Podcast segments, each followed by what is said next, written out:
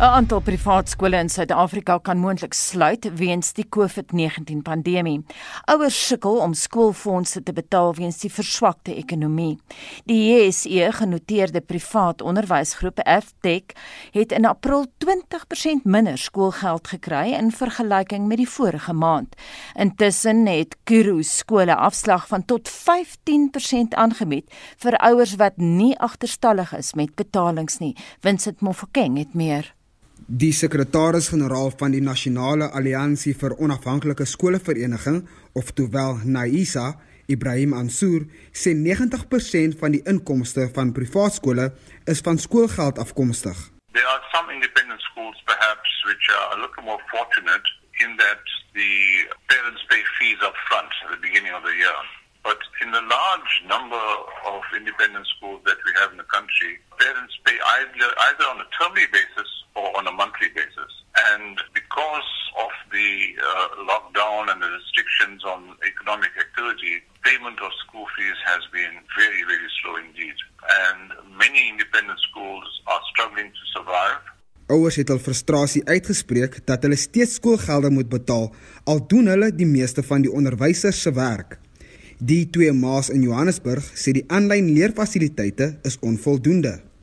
I paid for a physical classroom and somebody that stands in front of the class and teaches to deliver an online learning costs them nothing compared to the money that we're paying. I really think there's a lot that they could have done better, especially with the online classes. You know, most of it are 90% supervised by us, managing the schoolwork, you know, helping my son manage his own time and also trying to run my business is really really a, a challenge for me. Naisa verteenwoordig meer as 1400 skole waarvan tot 70% van hulle nou aanlyn onderrig bied.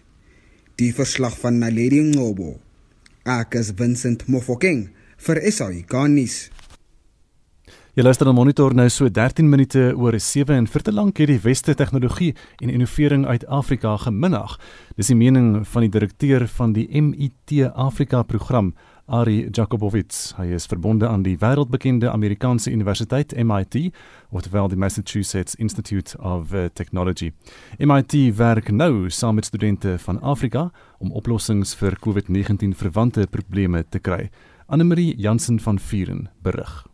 Jakobowitsch sê die Afrika vasteland is vir te lank afgeskeep.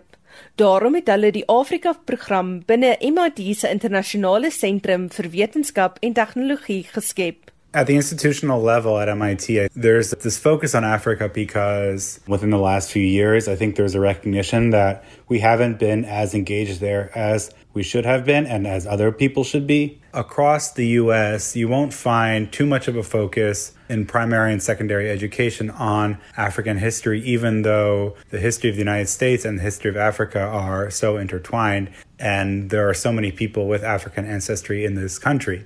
And I think it's a real opportunity to really engage these topics in a more meaningful way for people. We really believe that a lot of really productive relationships in research, innovation, education can come out of really good collaborations with colleagues in Africa. 'n Senior direkteur, Stu Krusel, sê die COVID-19 pandemie het eintlik al uitreikprojekte vir die res van die jaar gesnoeker, maar toe draai hulle die probleem op sy kop. It all started like so many things recently with the Zoom call. David Capitalupo, assistant dean for MIT Sloan Global Programs, Bill Carter, an award winning filmmaker, author, teacher, and I were discussing what we could do to support the fight against COVID 19 in Africa. We knew the need was immense, and we talked about how to leverage the vast network and resources of MIT to help those on the ground in Africa fighting the virus. The question was how do you bring lots of people together to address this problem? The answer we decided on was a global virtual hackathon, working with an amazing group of students and alumni combined with more than 70 partner organizations, including the Clinton Foundation, African universities, and more, we were able to recruit 1,500 participants from 106 countries, including 44 in Africa, and more than 200 mentors, all committed to implementation, not just idea generation. Die groepleier Benjamin Boetboel sê deelnemers moes 'n reeks kopkrappers oplos. Byvoorbeeld, 42% van die inwoners van Afrika suid van die Sahara oorleef op minder as 2 dollar per dag. Hoe kan diegene hulself teen die pandemie beskerm?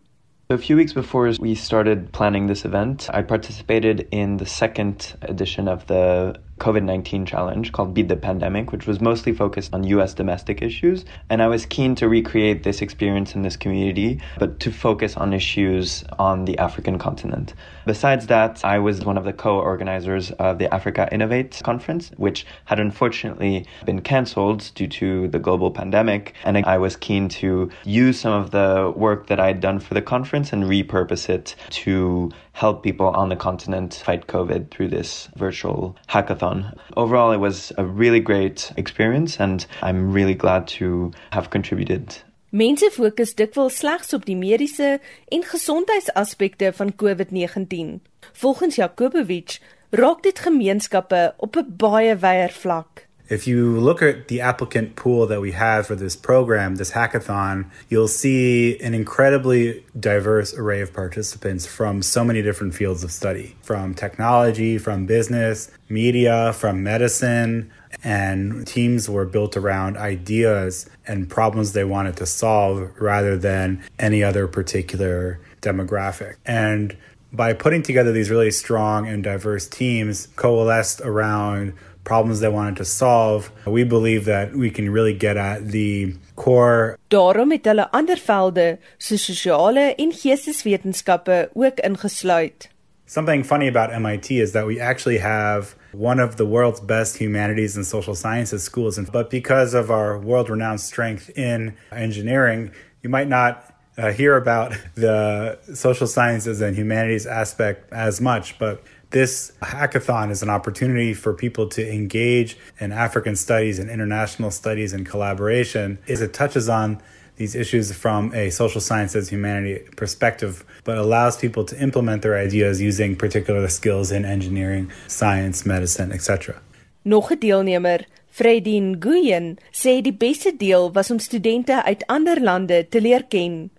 Volgens hom is toekomstige netwerke gebou en MIT gaan nou saam met Afrika deelnemers werk om hul planne en oplossings op klein skaal in werking te stel. We'll be working very closely with the teams to really get a clear sense of their specific needs, whether it's access to particular mentors or experts, or access to funding, or access to certain resources or technologies that can help develop their prototypes and turn their initial viable concepts during the hackathon into something that can be really tested and validated by our implementation partners to really try and pair up the resources that they can provide to the teams that need it the most. And it's really about this best fit matching process that can really help accelerate the rapid innovation and development process to go from that early prototype and initial viable concept into something that is robust or mature enough can be implemented by our partners. Dit was Fredin Guyen en ek is Anne Marie Jansen van Vieren vir SAK nuus. Die versekeringsbedryf staan sy heel grootste verliese ooit in die gesig of liewer staar sy grootste verliese in die gesig. So waarsku professor Birgitte Kuske van die Universiteit van Pretoria se Regsfakulteit. Sy is ook die adjunkpresident van die internasionale versekeringsregvereniging wat 101 lande verteenwoordig. Ons praat ver oggend met haar. Goeiemôre Birgitte. Goeiemôre Anita. Enige vooruitskatting van die omvang en soort eise wat jy verwag oor die impak van COVID-19? Anita, ja, Lloyd's of London omskryf hierdie as die grootste katastrofiese risiko wat die wêreld nog getref het wat betref die versekeringsbedrywe. Hulle oorskry die ehm um, limite van enige natuurlike katastrofe wat ons tot dusver gehad het. Die skattings is enigiets uh, gematig is 107 miljard dollar tot 203 miljard dollar se versekeringsverliese. Uh dit is van wie verhoogde eise natuurlik, maar ook beleggingsverliese en die swart swak mark. Aan die ander hand het ons nou die vooruitskouing van Cambridge Center for Risk Studies Op die langtermyn is hulle vooruitskouing dat daar 775 miljard dollar verlore gaan gaan hierdie jaar in die versekeringsbedryf. So die verliese is geweldig groot. Brigitte, waarvoor kan 'n mens wel eis? Op hierdie stadium is die brandpunt van die problematiese eise natuurlik die besigheidsonderbrekingseise, die business interruption versekeringseise. Ons het laasweek het ons 'n uh, gesamentlike kommunikasie ontvang van die reguleerders in Suid-Afrika, die Financial Services Conduct Authority en aan die ander kant die Reservebank wat 'n kommentaar uitgereik het nommer 5 van 2020 dat meeste besigheidsonderbrekingspolisse vereis dat eiendomsskade of fisiese skade inderdaad aangerig word aan 'n besigheid of bedryf alvorens hulle hierdie tipe van verliese kan eis. En dit beteken natuurlik dat daar 'n beperkte risiko is uh, wat verseker word. Wat 'n waarskynlike limiet is op meeste eise wat persone gedink het hulle sal kan instel. Birgit, het nou gepraat van natuurlike katastrofes, jy praat van force majeure. Maar wat gebeur nou indien daar bewys kan word dat hierdie virus in 'n laboratorium in Wuhan gemanipuleer is en dat hy van daar af ontsnap het met ander woorde dat dit nie 'n natuurlike verskynsel is nie. Dit sal die hele versekeringsstorie heeltemal verander dan. Of hoe? Ja, die term force majeure hoor baie mense wees daar. Dit beteken natuurlik 'n reuse mag of oormag, soos ons dit altyd in Afrikaans noem. Ehm um, en dit sluit ook in optredes van derdes buite beheer van 'n persoon. As hierdie 'n natuurlike occurrence, natural occurrence of natural event is, soos wat dit meestal omskryf word, en dit val onder dekking dat daar sulke natuurlike oorsake of acts of God word dit ook omskryf gedek word, dan sal natuurlik hierdie viruspandemie gedek sou kon word. Maar as dit 'n mensgemaakte uh virus is of in 'n laboratorium geskep is met die doel dat dit terrorisme miskien um, biologiese terrorisme inhou, dan verander die prentjie, want dan is dit nie meer 'n natuurlike oorsaak nie en dan sal dit natuurlik die versekeringseise kan bedreig. Nou Brigitte, jy is nou die adjunkpresident van die internasionale versekeringsregvereniging wat 101 lande verteenwoordig en jy praat dikwels met jou kollegas daar ook. Is daar lesse te leer oor hoe hulle die pandemie hanteer? Ja, net om kortliks te sê dat ons omskrywe wat ons ontvang het, het baie duidelik gesê dat ons reguleerders aanvaar nie dat die virus eiendomsskade aanrig nie. Ons reguleerders uh, het gekyk na verskeie polisse. Ons kry twee kategorieë polisse. Die eerste een is die wat inderdaad net 'n algemene standaard besigheidsonderbrekingsrisiko dek en eiendomsskade word nie veroorsaak deur die virus nie. Daarom is daar nie dekking nie. Ander mag dalk moontlik wel dekking hê vir aansteeklike siektes of virusinfeksies of biologiese redes. En in hierdie gevalle is dit egter slegs waar die persone self wat werk by 'n besigheid siek is en nie noodwendig net vanweë die sluiting omdat die land self die siekte elders ervaar nie. Nou in die USA in die Verenigde State het ons 'n geweldige groot bakleierery aan die gang op die oomblik daar is sekere state wat voorstel dat alle versekerings, ongeag die tipe dekking wat hulle bied, ongeag uitsluitings, alle versekeringseise van COVID moet akkommodeer. Dit is by wyse van die United States Senate Bill 477. Dis natuurlik president Trump se weergawe dat versekerings al die jare premies gevat het en daarom moet hulle nou die grootste deel van die skade wat in die COVID-19 skadepool lê, moet hulle dek. Ehm um, die state self gaan moet kyk waar hulle dit nou weer gaan verhaal om hulle versekeraars solvent te hou. Uh, New Jersey het byvoorbeeld gesê dat alle versekeraars moet betaal, maar éventueel sal die Commissioner of Banking and Insurance dit terugbetaal aan hierdie versekeraars. Ehm um, die Verenigde uh, skies tog die United Kingdom Engeland het gesê dat die kapitaalreserwes van die versekeraars tans die fondse is waarop hulle ernstig gaan saak maak. So hulle vra dat die versekeraars wel eise uitbetaal alhoewel hulle dit nie moet nie. Alhoewel 'n kontrak dit dalk nie noodwendig vereis nie, maar dat daar 'n staatsfonds geskep kan word dan ook wat dit sal vergoed. Dit is nie moontlik in ons land nie. Ons regering het nie die geld nie en daarom is ons eise baie beperk hmm. vir besigheidsonderbrekings. Net vir praktiese doeleindes vir luisteraars wat nou luister na die onderhoud en wonder oor hulle eie polisse. Ons het nou huidige navraag gehad per e-pos oor die sogenaamde all risk polisse. Dek dit hmm. werklik werklik alles? Nee, dit is juist die grootste probleem wat ons het is dat persone neem 'n polis uit en dit word getitel of geïdentifiseer as 'n alle risiko polis en dan aanvaar die versekerde dat hy risiko het teen enigiets wat moontlik mag plaasvind. Maar as jy mens die fynskrif gaan lees, dan sal jy sien dat daar is geweldig baie uitsluitings.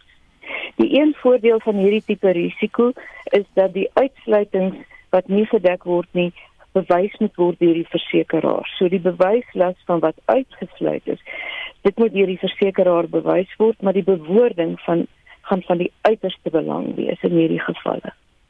Jy het nou so gepraat oor um, inkomsteversekering en en uh, mense kan basies net uh, eis teen jou inkomsteversekering as jy siek geword het van die koronavirus. En en nie as as jy ehm um, as jy nie kan werk nie omdat jy nou nie kan nie. Die die werkloosheidsversekeringsfonds wat ons value so het, is dit voldoende? Help dit mense genoeg? Help dit almal? Die werkloosheidsversekering is maar 'n druppel in die emmer eintlik. Hmm. Ehm um, dit is regtig vir die alleen besigheidsman, die enkel uh besigheidspersoon wat nie kan eis as 'n werknemer nie wat 'n probleem gaan hê. Ons weet van persone wat op uh, kraamverlof is en dis eise heel agter in die tou lê en dat daar 'n baie baie lang tydperk gaan verloop voor al die eise verwerk gaan word. So dit is 'n 'n groot probleem wat ons werklik in die, in die oos staar hier. Birgitte, jy het nou verwys na die feit dat dit belangrik is om die fynskrif te lees. Ook belangrik dat die luisteraars hulle eise vinnig moet indien. Daar's 'n beperking, is dit 90 dae? Wat presies is die beperking? Gewoonlik is die beperking 90 dae. So daar is twee dinge wat ek net die luisteraars se aandag op wil vestig. In die eerste plek is dit vir ons duidelik dat versekerings nou endossemente begin uitreik op bestaande polisse waar hulle die COVID-19 risiko's pertinent uitsluit. Dit is natuurlik moontlik dat 'n versekeraar 'n polis kan verander in die middel van 'n versekeringstermyn. Maar met die omsendskrywe het die FSCA dit duidelik gemaak dat enige sulke endossemente eers met hulle toestemming uitgereik mag word. 'n Verdere probleem wat luisteraars mag hê is dalk met hernuwings van polisse, dat 'n polis wat hernu word sekere risikobeperkings ook gaan hê wat hy nie in die vorige termyn sou gehad het nie. Vier vereistes vir hierdie tipe optredes van versekeraars is in die eerste plek moet die kontrak natuurlik eensydige wysigings toelaat dat die versekeraar sulke endossemente mag uitreik dat die nodige kennisgewings gegee is in die tweede plek die kennisgewings aan die versekerde maar ook aan die reguleerder. En dan moet hulle altyd beginsels wat universeel toegepas word ook nou in ons land genaamd TCF treating customers fairly en ag nee, maar die versekeraar moet regverdig dat wysigings eintlik vir die besigheidsbedryf noodsaaklik is. Maar my advies aan die versekerdes is eenvoudig: vind jou nuutste polisvoorwaardes. Diep tuistowwerige leer op waar hy ook al lê of gaan aanlyn en soek jou polisvoorwaardes. Lees baie versigtig vir al die fynskrif en kry regte advies waar nodig.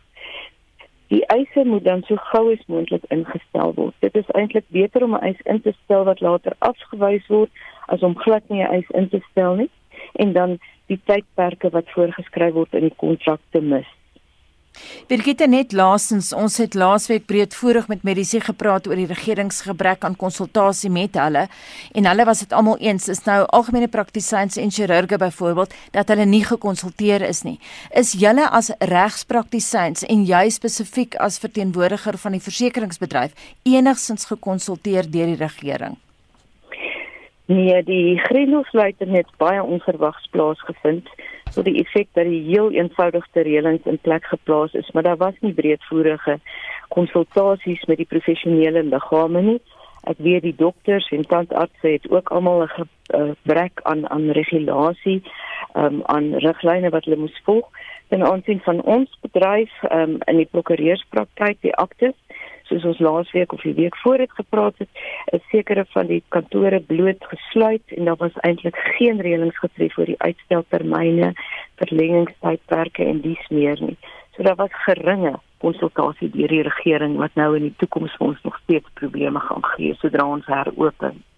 Baie dankie en daai waarskuwing kom van professor Birgitte Kuske van die Universiteit van Pretoria se Regsfakulteit. Sy is ook die adjunkpresident van die internasionale versekeringsregvereniging wat 101 lande verteenwoordig.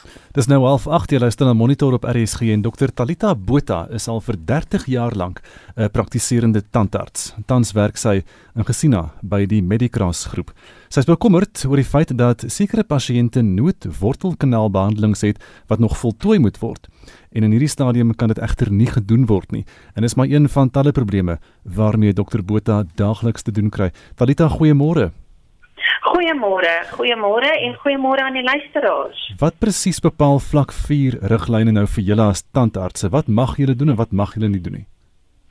Kyk, uh vlak 4 is nie baie anderster as wat vlak 5 was nie. Ons mag 'n bietjie meer doen as vlak 5 In vlak 5 mag ons net nood en pyn hanteer dit. In die vlak 4 inperking mag ons 'n bietjie meer doen. Die riglyne is nie so baie baie duidelik nie. Ons het riglyne van SADA ontvang en ons kan 'n bietjie meer doen. Ons mag die mondhygiëniste mag nou weer bietjie werk en ons mag glad nie estetiese tandheelkunde doen nie. So as daar nou 'n lelike kroon is of so wat nog 'n paar maande kan wag voor ons dit ehm uh, vervang, dan moet ons dit nou agterweë laat. Ek dink persoonlik elke tandarts kan sy eie diskresie gebruik en ek dink dit wat ons in die begin van vlak 5 gedoen het, noodbehandeling, dink ek persoonlik as tandarts in die belang van my pasiënt kan ek dalk nou begin opvolg. Ons het ongelooflik baie meer beskermingsmaatreëls in plek om die pasiënt en myself en die assistent te beskerm. Dalita, is jy bekommerd dat van die pasiënte dalk hulle tande kan verloor want baie van hulle is ook nou bang sekerlik om tandarts toe te gaan soos wat hulle bang is om dokter toe te gaan. Ja, ja, inderdaad Anita. En dit wil ek vir die pasiënte sê. Ons kom al jare saam met aansteeklike siektes. Ons werk elke dag met HIV. Ons word blootgestel aan hepatitis. Ons word blootgestel aan tuberkulose. Ons is deur varkgriep, voëlgriep, SARS. Ons spreekkamers is skoon. Ons gebruik ongelooflik baie produkte om die lug te suiwer, om ons handstukke skoon te hou. So ek wil vir pasiënte en luisteraars die versekering gee. Ons probeer waar menslik moontlik om almal veilig te hou. Moet asseblief nie loop met 'n groot krisis nie. Dit word net groter. Daar kan sekondêre komplikasies intree en natuurlik patologie. Ehm um, so ek wil asseblief vir die mense sê ek wil nou nie graag pasiënte sien wat siek is op die oomblik en simptome het nie, maar mense wat gesond is, moet asseblief moet asseblief nie bang wees nie. Ons probeer alles in ons vermoë om die pasiënte en die personeel te beskerm. Natalita, gaan jy self as die tandarts veilig voel as daar dalk 'n COVID-19 pasiënt daar in jou stoel sit? Kyk, ons het ongelooflike streng in die Engelse woord is screening. Ek praat nou van sifting by die voordeur van die praktyk. Hmm. So ja, ek kan 'n COVID-19 pasiënt sien wat die virus onderleer het wat ek nie gaan weet nie. Ehm um, hoe gaan ons nou weet hmm. as dat die virus het maar het nie simptome nie. Maar 'n pasiënt wat siek is met COVID-19, hoë koors het, wat hoes, kom nie eers by my spreekkamer uit nie. Ons verwys hom onmiddellik na die mediese dokters om dan verdere toetse te doen. Het die regering julle genoegsaam betrek in terme van konsultering? Jong, van die regering se kant af het ons niks gehoor nie. Ek het verneem dat SADA se riglyne wat hulle op die oomblik vir ons gestel het, gaan nou deur na die Health Professional Council van Suid-Afrika toe. Hulle aanvaar dan of hulle verander bietjie aan die riglyne En van die Health Professional Council van Suid-Afrika af gaan dit dan nou na die Departement van Gesondheid. En as hulle tevrede is met SARA se riglyne, dan word dit regulasie en dan word dit wet. Maar op die oomblik het ons nog net riglyne van SARA. Talita, wat dink jy gaan die langtermyn effek wees van die inperking op op jou pasiënte se gesondheid? Nee, dit gaan 'n negatiewe effek hê. 'n Negatiewe effek en waarvoor ek die bangste is, die toekoms vir ons as privaat tandartse, as hierdie riglyne van SADA van SADA regulasies word, is die toekoms vir die privaat standaard nie mooi nie. Dit lyk bitter bitter onseker. Hoe sê dit jou praktyk gekry? Ek het tussen 80 en 85% van my omset verloor. Ek weet en nou is dit 'n tandarts. Ek het my tegnikuste wat vir my werk, wat alleenlik kan werk as die tandarts werk. Hulle was almal toe vir 5 weke. So dit is nie net ons as tandartse wat geaffekteer word nie, die rimpel effek is enorm. Die tegnikuste het ook nie werk nie. My een tegnikus het 13 mense wat vir hom werk. Hy werk nie op die oomblik nie want ons tandartse stuur nie vir hulle Kronenbrug werk nie en ons stuur ook nie vir hulle Kindsgebit werk. Baie dankie en so sê Dr Talita Botha wat al vir 30 jaar lank 'n praktiserende tandarts in Pretoria is.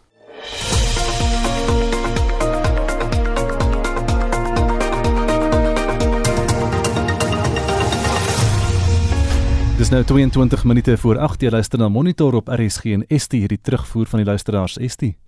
Gustav Rosel Crawford skryf: "Niemand wat ek ken, myself in kluis het 'n dooie sent van die UIF of 'n kospakkie of enige hulp van hulle besigheid van die regering ontvang nie."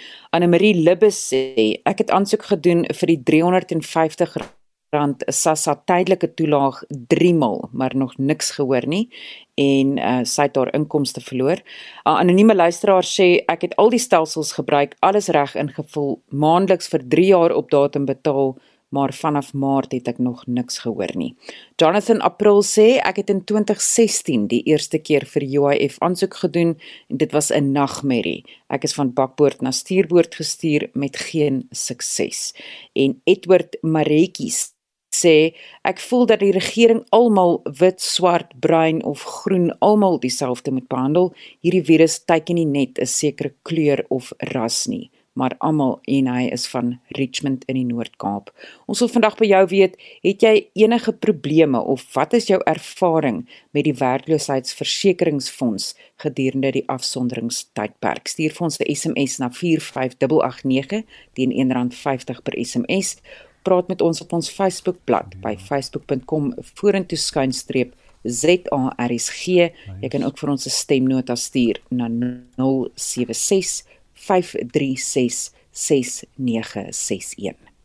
47 jy luister na Monitor ons kyk na internasionale nuusgebeure en gesondheidsleiers vra dat die wêreld se reaksie op die COVID-19 pandemie ondersoek moet word. Justin het vir ons die agtergrond daar. Justin Ja, verteenwoordigers van 194 van die lidlande van die Wêreldgesondheidsorganisasie kom vandag bymekaar vir die 73ste jaarlikse Wêreldgesondheidsvergadering. Die lande kom elke jaar bymekaar om die werk van die VN se Gesondheidsagentskap te hersien en hul prioriteite vir die komende jaar vas te stel. Die Europese Unie, saam met lande soos eh, die Verenigde Koninkryk, Australië en Nieu-Seeland, het reeds aangedui dat hulle 'n ondersoek steun na die hantering van die wêreldwye pandemie en watter lesse daaruit geleer kan word. Hulle gaan na verwagting 'n onafhanklike oorsig van die internasionale reaksie op die COVID-19 pandemie aanvra en die taakspan eh, sal moet kyk na hoe die virus meer as 4.5 miljoen mense besmet en meer as 300 000 mense doodgemaak het. Die EU-woordvoerder Virginia Batu Henriksen sê dat verskeie sleutelvrae beantwoord moet word as deel van enige hersiening en dit sluit in hoe hierdie pandemie versprei het en wat is die epidemiologie agter. Sy sê die ondersoek is noodsaaklik om nog 'n pandemie van hierdie aard te vermy. Die BBC berig intussen die Wêreldgesondheidsorganisasie sal waarskynlik tydens die vergadering onder meer druk kom oor sy hantering van die pandemie. Hospitale in São Paulo in Brasilië staan op die rand van ineenstorting. Ja, die waarskuwing kom van die burgemeester van die grootste stad in Brasilia, Bruno Covas. Hy sê São Paulo se gesondheidstelsel kan in duie stort as die aanvraag na noodbeddens toeneem weens die COVID-19 pandemie. Die BBC se Katie Watson sê die openbare hospitale van die stad het 90% van hul kapasiteit bereik en kan binne ongeveer 2 weke nie meer spasie hê nie. Bruno Covas has called on residents to do their bit to improve Brazil's chances. It's difficult to believe, he said, that some prefer to subject the population to a game of Russian roulette. The indifference to death, he said, is a crime of responsibility. Meanwhile, Brazil's President Jair Bolsonaro spent another Sunday defying global health advice, meeting supporters outside his palace in the capital, Brasilia. Nou Sao Paulo is een van die land se gebiede wat die ergste getref is met 3000 sterftes wat reeds aangemeld is. Brasilië het die afgelope Saterdag Spanje en Italië verbygesteek om die land te word met die vierde grootste aantal infeksies. Die ministerie van Gesondheid het die afgelope 24 uur net minder as 8000 nuwe gevalle aangemeld. Die infeksiesyfer staan nou op meer as 241000. Slegs die VSA, Rusland en die Verenigde Koninkryk het meer gevalle. Die dodetal in die Latyn-Amerikaanse land staan op meer as 16000, die wêreld se vyfde hoogste syfer. Gesondheidskundiges in Brasilia waarsku dat die werklike aantal bevestigde infeksies in die land baie hoër kan wees as die amptelike rekords weens 'n gebrek aan toetsing. En dan na 'n ander deel van die wêreld, een persoon is dood na 'n Kanadese kunsvliegtuig neerstort. Ja, en die uh, vliegtuig is deel van die Kanadese lugmag se kunsvliegspan, die Snowbirds. Die span was op 'n toer van die land om Kanadese burgers te bedank wat vir hul aandeel uh, om die verspreiding van COVID-19 te beveg. 'n Videomateriaal wys hoe twee van die vliegtye opstyg van 'n lughawe in Kamloops in British Columbia. Die een vliegtyg hou reguit aanvlieg terwyl die tweede sy neus na links optrek en dan ondertoe begin rol. Die vlieënier en sy passasier aktiveer al uitskietstoele voor die vliegtyg die grond tref. Die Kanadese lugmag het later bevestig dat die passasier, kaptein Jennifer Casey, gesterf het, maar die vlieënier, kaptein Richard McDougall, is ernstig beseer. En dit was Justin Kennedy met wêreldnuus gebeure. Dis nou 16 minute voor 8 in die staatskoerant van 5 Mei 2020 gee spesifieke riglyne vir self-kwarantyne en self-isolasie in paragraaf 10. En desondanks sê Afriforum dat 'n kabinetsminister gesê het dat die regering dit oorweeg om alle mense wat positief vir COVID-19 toets in kwarantynesentrums te gaan plaas. Die bestuurder veldtogte by Afriforum Monique Taute sê die organisasie het Vrydag 'n aansoek by die Noord-Gautengse Hooggeregshof uh, in Pretoria gebring om die inperkingsmaatreëls ongeldig te verklaar. Verlede week het die minister van gesondheid gesê dat indien mense positief getoets word, kyk hulle daarna om mense onder verpligte kwarantyne te sit. Het ook gesien in KwaZulu-Natal waar die regering ook mense daar wat positief getoets is vir COVID-19 in kwarantyne sit ten spyte daarvan dat mense kan self isoleer. Ons sien ook mense wat terugkom van oorsee af word gedwing in kwarantynekampe in ten spyte daarvan dat baie van hulle ook kan self isoleer. So Afriforum wil graag hof toe gaan om hierdie regulasies te toets aangesien ons voel dat dit mense se regte skend. Maar jy het reeds op 15 Mei 'n uh, aansoek gebring. Ja, ons het reeds ons aansoek ingedien by die Noord-Gautengse Hooggeregshof in Pretoria. Die departement het nou tot middel volgende week om tot die aansoek teen te staan en ons beplan dan om die week daarna in die hof te wees na aanleiding van wat die departement ons vat of hulle die aansoek gaan teenstaan of nie. Julle voel dat mense se privaat reg om dit self te kan doen word wesenlik aangetast. Ja, so ons voel dat die regulasies gee die staat die mag om mense sonder hulle toestemming in kwarantyne te dwing, gesels in omstandighede waar die persoon in staat is om doeltreffend te kan self-isoleer en dit gee wetstoepassers en die staat te veel mag onder die vondel van die bekamping van die verspreiding van die virus. Afriforum voel ook dat wanneer die staat eenmal eers inbreuk maak op mense se mees basiese regte van menswaardigheid van beweging en sekerheid van persoon word dan in die toekoms al hoe makliker vir hulle om sulke tipe skendings te regverdig. Ons het ook gesien dat die Verenigde Nasies onlangs ook sy kommer uitgespreek het oor die Suid-Afrikaanse regering se toksiese inperkingsregulasies. Afriforum wil met hierdie hofsaak veg en as ook met ons internasionale veldtog vir die behoud van die fundamentele regte van elkeen in ons land. Het jy 'n wesenlike voorbeeld van iemand wat se reg so aangetast is? Ja, definitief. As ons kyk na die Nel gesin, hulle was in Groblersdal aangehou in 'n uh, kwarantynekamp nadat hulle teruggekom het van Mosambiek af. Men die hof het bevind dat hierdie mense onregmatig aangehou word. Dit was nie net die Nel gesin dit was 107 mense wat in 'n kwarantynekamp deur die regering aangehou word. En hierdie is 'n voorbeeld van hoe mense se regte deur die regering geskend word as daar te veel mag vir die regering gegee word en dit kan ons nie toelaat nie. So dit is hoekom dit belangrik is vir Afriforum om hierdie nasionale regulasies in die hof te gaan toets want ons is van mening dat dit ongrondwettig is.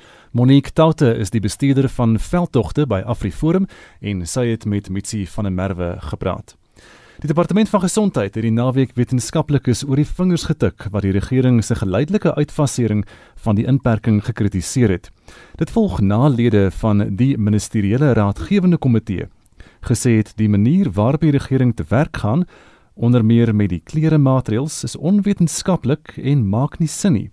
Die minister van gesondheid het Saterdag aand met sy departement se raadgewende komitee vergader oor die standpunte wat hul met die media gedeel het. Professor Shabir Madi van Wits Universiteit is 'n stigterslid en mede-direkteur van die Afrika Leierskapsinisiatief vir Inenting. Professor Madi is ook 'n lid van die ministeriële raadgewende komitee en ons praat nou met hom. Professor, good morning. Hi, good morning to you. So there seems to be a difference of opinion between scientists and the government regarding the management of this crisis. What is it all about? Yeah, so first, I'm not speaking on behalf of the Ministerial Advisory Committee, obviously. Yes. Uh, so I think the important thing is uh, it's not the difference between scientists and the, the Department of Health, but rather it's scientists raising concerns in, some of, in terms of some of the regulations that have been put forward, which simply are not rational.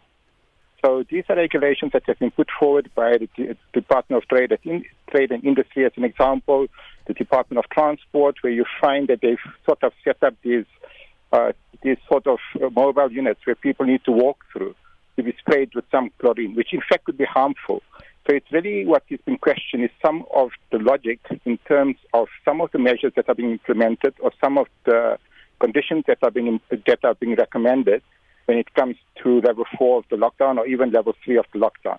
So, some scientists are calling for an immediate ending of the lockdown. What is your opinion on that? Yeah, so I think we need to be careful. When we talk of phasing out of the lockdown, that's not the same as going back to the pre COVID era, and that is really important. What we're saying is that essentially the lockdown that South Africa embarked on had a very specific objective. In fact, it had three objectives, which I'm not going to go into. You've mm. probably heard about it. And those objectives have largely been fulfilled as far as our resources permit us to be able to fulfill that. What now needs to happen is that there needs to be a focus on the non-pharmaceutical interventions, in addition to which there needs to be a focus in terms of preventing people gathering in large, large groups. So the non-pharmaceutical interventions that we're talking about are the social distancing or the physical distancing, the use of non-surgical face masks, and hygiene, together with avoiding overcrowded situations. So we're not saying that everything needs to go back to normal in South Africa. Unfortunately, the reality is that nothing is going to be back to normal in South Africa for at least the next two years. This is not something that is going to go away at the end of September 2020 or at the end of December 2020. So essentially, we need to make a choice, right? We need to learn how to live with this virus circulating. We need to live and accept that at least 60% of the population are going to get infected at some time or the other. There's no getting away from that. Mm. Right? If the only time that this virus is going to become less of a nuisance is when there is what we call herd immunity. Now, there's one of two options in which you can get herd immunity, and by that, what I mean is that roughly about 60% of the population needs to develop some level of immunity against the virus, which makes it less efficient for the virus to be able to transmit between people, etc. So there are two options that exist in terms of getting to that herd immunity. The first is for people to get naturally infected, but that infection shouldn't take place over a short period of time. Because if the infections take place over a short period of time, what will result is that there will be huge numbers of people mm. that will end up in our hospitals, and that would effectively destroy our health system in terms of being able to provide care. So that's what we're trying to avoid. So the main strategy here is one of trying to prolong the, the period of time over which those infections take place. How well, yes, how well are we weathering the storm at this stage and this reproduction rate, the R number? Are we taking that into account properly in the modeling of what's going to happen in the next couple of months? Right. So the reproduction number is completely sensitive to those non-pharmaceutical interventions. Right. If you're more successful with the non-pharmaceutical uh, intervention, mm-hmm. then you're effective what we call effective reproductive rate, which is sort of um, variation of the reproductive number, the R naught. Mm. But the effective reproductive rate actually uh, it goes down if your non-pharmaceutical interventions are actually uh, very strong. Right? If your non-pharmaceutical interventions are not strong, irrespective of what level of the lockdown you're in, right, your effective reproductive rate is going to go up. So it's, it is complex, uh, granted, but like I said, besides for that, the only other option that we've got, besides for 60% of the population getting infected over some period of time, and preferably over a longer period of time rather than a shorter period of time, the only other option, which is not an option at this point in time, is a vaccine. And a vaccine is unlikely to become publicly available at least through to the end of 2021. And that's the reason I'm saying whatever type of planning that that is done right now needs to have a needs to have a 2021 horizon in mind, right? Because this is not a problem for the next three to six months, and it is not plausible, it's not pragmatic to believe that you can continue with even a level three or a level two lockdown for the next two years because effectively that will destroy the country, not cripple the economy, it will destroy the country. Mm. Just lastly, on the vaccine, today is HIV Vaccine Day, but let's talk now about the race to develop the COVID 19 vaccine. How promising is the vaccine uh, at Oxford University that they're busy with, and how soon will we have access to that? And also one uh, developed in the United States. Right, so the Oxford uh, vaccine studies are a bit more advanced in terms of uh, the clinical development. They've already been tested out in non human primates. And in the non-human primates, what, it, what was shown. Yes. Okay, ons. Okay, we're struggling to hear you. Ons sukkel om te hoor. Dit is professor Shabir Madi daar en ons sukkel om hom te hoor. Um, hy is dan 'n wêreldwye kenner op die gebied van entstowwe en inenting by die Wits Universiteit. En ons bly by mediese sake Noordwes Universiteit staan op die punt om die menslike brein beter te verstaan danksy die wêreld se mees tegnologies gevorderde toestel wat die brein se funksionaliteit intyds meet. Vir meer besonderhede praat ons nou met Dr Greg Lam, pediatriese neuroloog aan die Universiteitsinstituut vir Sielkunde en Welstand. Goeiemôre. Goeiemôre. Greg, julle is nou in besit van die naby infrarooi spektroskopie neurobeeldingstoestel. Dis 'n mondvol. Wat maak daai toestel spesiaal? Ja, ehm um, before we go on, ek wil net verskoning vra aan al die luisteraars. Ek het lanklaas Afrikaans gepraat op die radio en uh, ek het op Stellenbosch geswat, maar dit is nou baie sleg and I don't want to insult him anymore. So if it's okay with you, I'll carry on in English. Ja, do so. Otherwise, they're going to switch their radios off.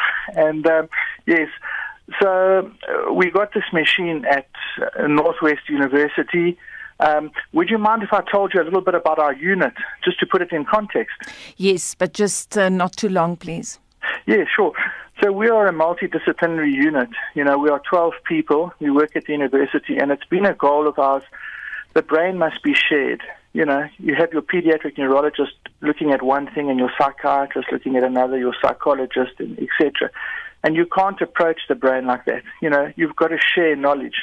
And the Nobel Prize winner Eric Kandel from Columbia University many years ago, he took his medical faculty and he put it on the main campus of Columbia University.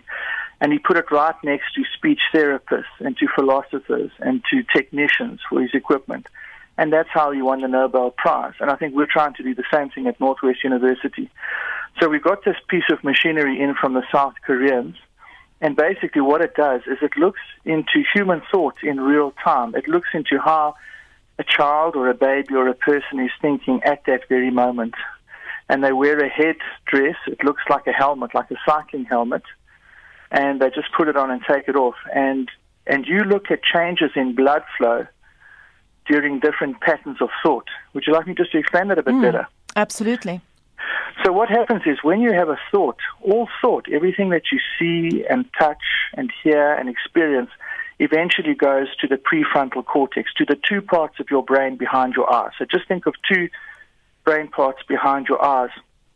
And then you've got another part of your brain called your orbitofrontal cortex, which is right behind your forehead, just above your nose.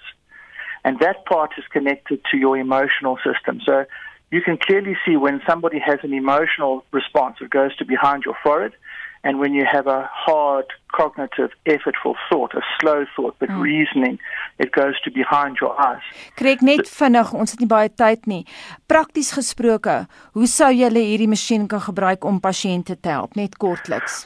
Well, the amazing thing is that you can see how children are thinking. You know, what is free will? You know, what makes a child withstand peer pressure?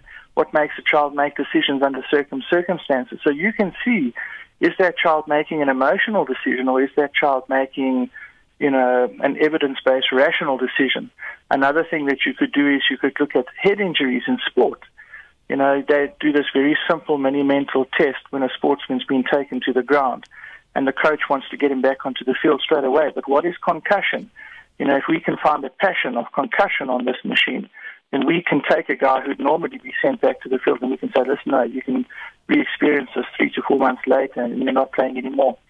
So it's got huge practical implications. You know, you can literally see what a guy is thinking. Have you got an emotional response? Is he looking at it one way? Take, for example, a top fly half in the Springbok team, you know, they've kind of maximized all of the physical attributes of a fly half, but now the brain takes over. This is the next step. So you want the fly half who's not necessarily bigger and stronger and faster. You want the fly half who performs better under pressure. So how does that guy react emotionally or does he react rationally under high pressure situations? Mm. So this might be a screening tool to get the best man for the job and it's going to be against everything that we've thought previously of the guy with the best VO2 max, etc. Baie dankie. So that's basically what we might use it for. Thank you. It sounds very very handy. Dit dan Dr. Greg Lam, pediatriese neuroloog aan Noordwes Universiteit. Kom ons gee vir Estie uh, byna die laaste woord op die program. Estie terugvoer. Anita Johanno D skryf ek het my dokumente ingestuur vir verlede maand maar ek het nog niks gekry nie. Vir my werknemers wat in afsondering is nie het nou weer ingestuur vir die maand maar ek sal maar sien moet uh, hy sê maar ek het nog niks eers gekry vir die eerste maand nie. Johan Kotse sê ons het 'n toerisme onderneming en in totaal het ons 9 werknemers. Ons het die 14de April ons eerste aansoek ingestuur en is afgekeur waarna ons dit nog 3 keer deur ons rekenmeesters gedoen het en dit is elke keer afgekeer. Ons het geen inkomste vanaf 26 Maart gekry nie. Dis sal ons almal nou die einde van Mei afgelê moet word. En dan sê Hannes Engelbregt, my vrou het einde Desember 2019 met pensioen gegaan. Sy het die 7de Januarie 2020 aansoek gedoen vir haar UIF en sy het eers hierdie week haar eerste uitbetaling ontvang. En dan laastens sê Michelle Boshoff, ek het die selfoonnommer gekry van 'n beampte wat my via WhatsApp gehelp het. Anders in my opinie, in my opinie word net besigheid besighede tans gehelp. En dit was dan monitor met waarnemende uitvoerende regisseur Wessel Pretorius, redakteur volgend Hendrik Martin en ons produksieregisseur Daitrin Godfrey. Bly geskakel op RSG vir praat saam volgende met Lenet Fransis. Ek is Gustaf Vreiding. Mooi bly tot môreoggend. My naam is Anita Visser.